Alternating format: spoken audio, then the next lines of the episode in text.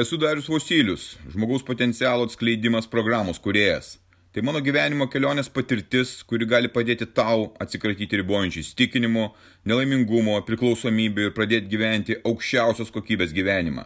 Registruokis pokalbiui dariusvosylius.lt ir pradėk šiandien savo pokyčius.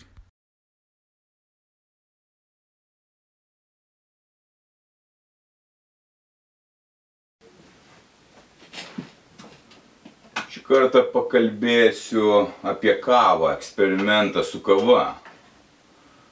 Šitas, šita stiklinė kavos pirmoji po 31 dienos nevartojimo kavos visiškai. Nusprendžiau paeksperimentuoti su kava. Koks yra poveikis atsisakius kavos? Kas tai yra? Ar įmanoma be kavos gyventi? Viskas atrodo taip. Prieš du metus aš pradėjau ją turbūt vartoti ir kiekvieną dieną. Pats ją maldavausi, pats ruoždavausi, viskas šviežia, ne iš kažkokių sumaltų, o jau pats ruoždavausi tai. Ir darydavausi. Ir išgerdavau po podelį po du. Vidutiniškai turbūt du podeliai per dieną, tai buvo mano kasdieninė dozė. Čia yra apie 300 ml. Nu, į sveikatą. Mm, koks gardumas, koks net, net silpna darosi po to mėnesio išgerti pirmąjį gurkšnį. Mm.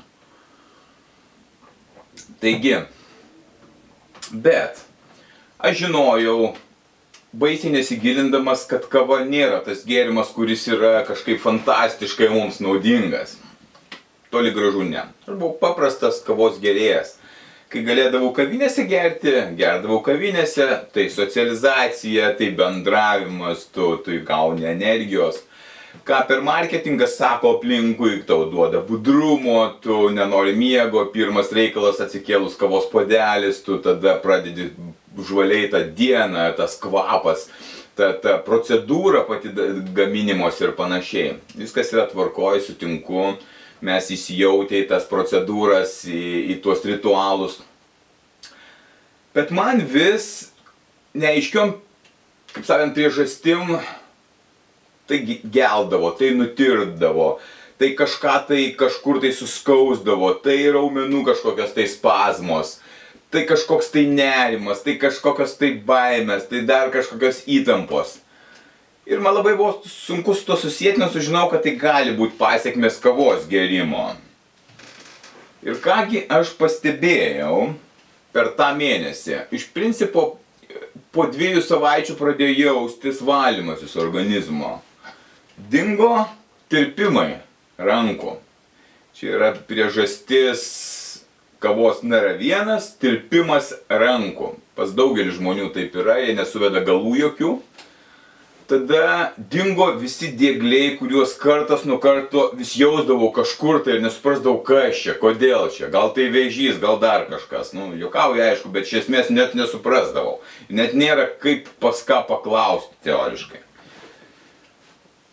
Miegas pasikeitė, aš žymiai ramiau užmiegu ir žymiai paprašiau man atsikelti, nors keliuosi anksti ir man reikia keltis anksti ir labai anksti ir man tos kavos nebereikia.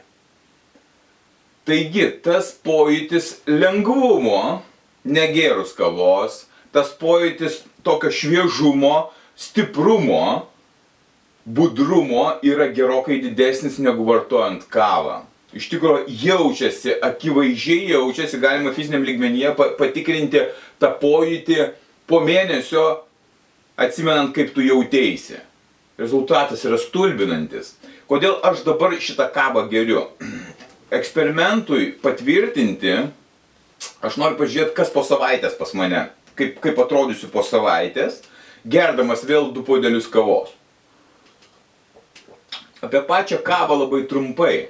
Aš irgi niekada nesidomėjau, kas ta kava ir apie ką jinai yra. Pati kava auga įvairiuose aukščiuose, Iš kavos pupelių yra daroma maloma ta kava. Kodėl kofeinas? Kofeinas pasirodo yra natūrali medžiaga, kurią tas krūmas, augalas naudoja tam, kad apsiginti nuo vabžių. Mes juos vadinam parazitais, bet realiai tai nuo vabžių. Nes vabžiai valgo, ėda tuos lapus, tas pupeles, ūglius ir panašiai. Kofeinas atbaido, suteikia kartumą ir labai tampa neįdomus tiems gyvūnams. Kuo medis auga aukščiau, kavos medis, kalnuose, tuo jis gauna daugiau saulės, tuo jisai sveikesnis, tuo mažiau yra parazitų, bet tuo pačiu subalansuota taip, kad ir kofeino gerokai mažiau, nes nereikia taip gintis nuo tų parazitų. Taigi, tai yra priemonė apsiginti nuo, kaip mes juos vadinam parazitais, tai yra nuo tų gyvūnų, nuo tų vabžių. Ir mes vartojam.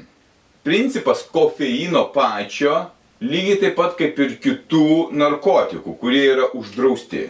Tai yra narkotikas. Jis yra legalus narkotikas, tai taip pat veikia centrinę mūsų nervų sistemą tokiu pat būdu. Suteikia laimės pojūtį, budrumo pojūtį. Ir, ir, ir tai mus traukia. Dėl to tas vat, noras vis išgerti ir pripratimas yra. Kiekiai, kurie yra kofeino kavoje irgi priklauso nuo rušies. Ar tai arabika, ar tai robusta, ar kitos rūšys, jos turi skirtingus kiekius. Tarkim, robusta, robustos rūšies kava turi daugiausia, daugiausia kofeino, tarkim, nuo pusantro tūkstančio iki dviejų su pusė tūkstančio miligramų šimte gramų e, paprastos kavos nesupaltos pupelių. Arabika turi nuo tūkstančio iki pusantro tūkstančio nėra labai tikslu, nes priklauso nuo regiono, nuo aukščio ir nuo visko.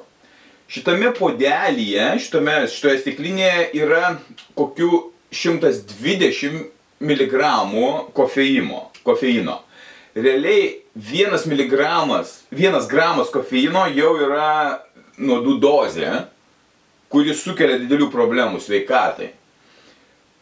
Kai išgeri tarkim 120, du podeliai tai yra 240, tai kaip ir lyg tai kažkieno tai ekspertų rekomenduojama, bet mes žinom tuos ekspertus, jie rašo blenka, rekomenduojama norma galima išgerti. Nu, nieko panašaus. Nebūtina tos tokios normos gerti ir laikytis kažkokių tai nurodymų.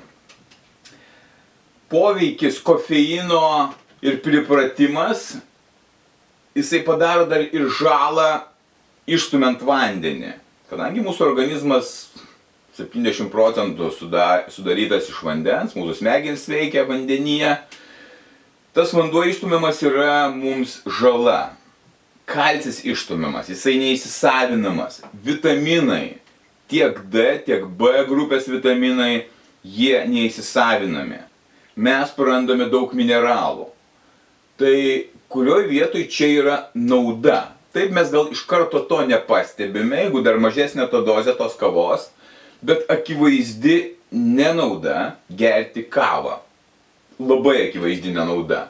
Ir mano eksperimentas, man asmeniškai rodo, aš manau, kad ir tau gali lygiai taip pat įrodyti, jeigu tu išbandysi negerti mėnesį kavos pojūčius. Ir tada galima rinktis, Ar tu geri vieną kartą per savaitę tą kavą, jeigu jos taip jau norisi, ar tik tai tada, kada išvyksti su draugais kažkur tai, ar susitinki ir negeri kiekvieną dieną tos kavos. Ritmas atsistato ir tavo gera būsena, jinai yra žymiai malonesnė negu ta bloga su paskatinimu kavos. Tai kad aš po šitos savaitės matau, kad aš kavos tikrai negersiu, kad dabar aš eksperimentuodamas išbandysiu dar tą savaitę gerti, kad patvirtinti tam tikrus dalykus. Vienas iš pakeitimo variantų, kaip ir toksai, jeigu nori dar to kofeino gauti, yra arbata, tiek juoda, tiek žalia. Taip pat yra kofeino. Niekur nerašant jokių pokelių apie tą kofeiną, bet tarkim podelėje, tokiame podelėje galėtų būti arbatos juodos, tarkim su uh, ryžių pieno aš, aš geriu. Uh, E, apie 40-30 mg kofeino. Tai yra kelis kartus mažiau. 20-10 e, priklauso nuo rušies ir panašiai. Bet tai yra ženkliai geriau negu gerti tokį didžiulį kiekį ir kenkti savo tokiu būdu.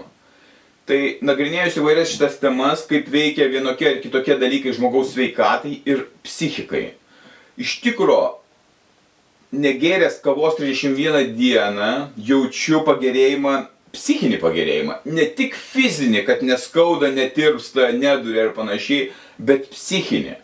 Tas yra labai svarbu, ypač šitame išprotėjusiame pasaulyje, turėti priemonės, kuriomis gali kontroliuoti save, savo būseną, gydyti save.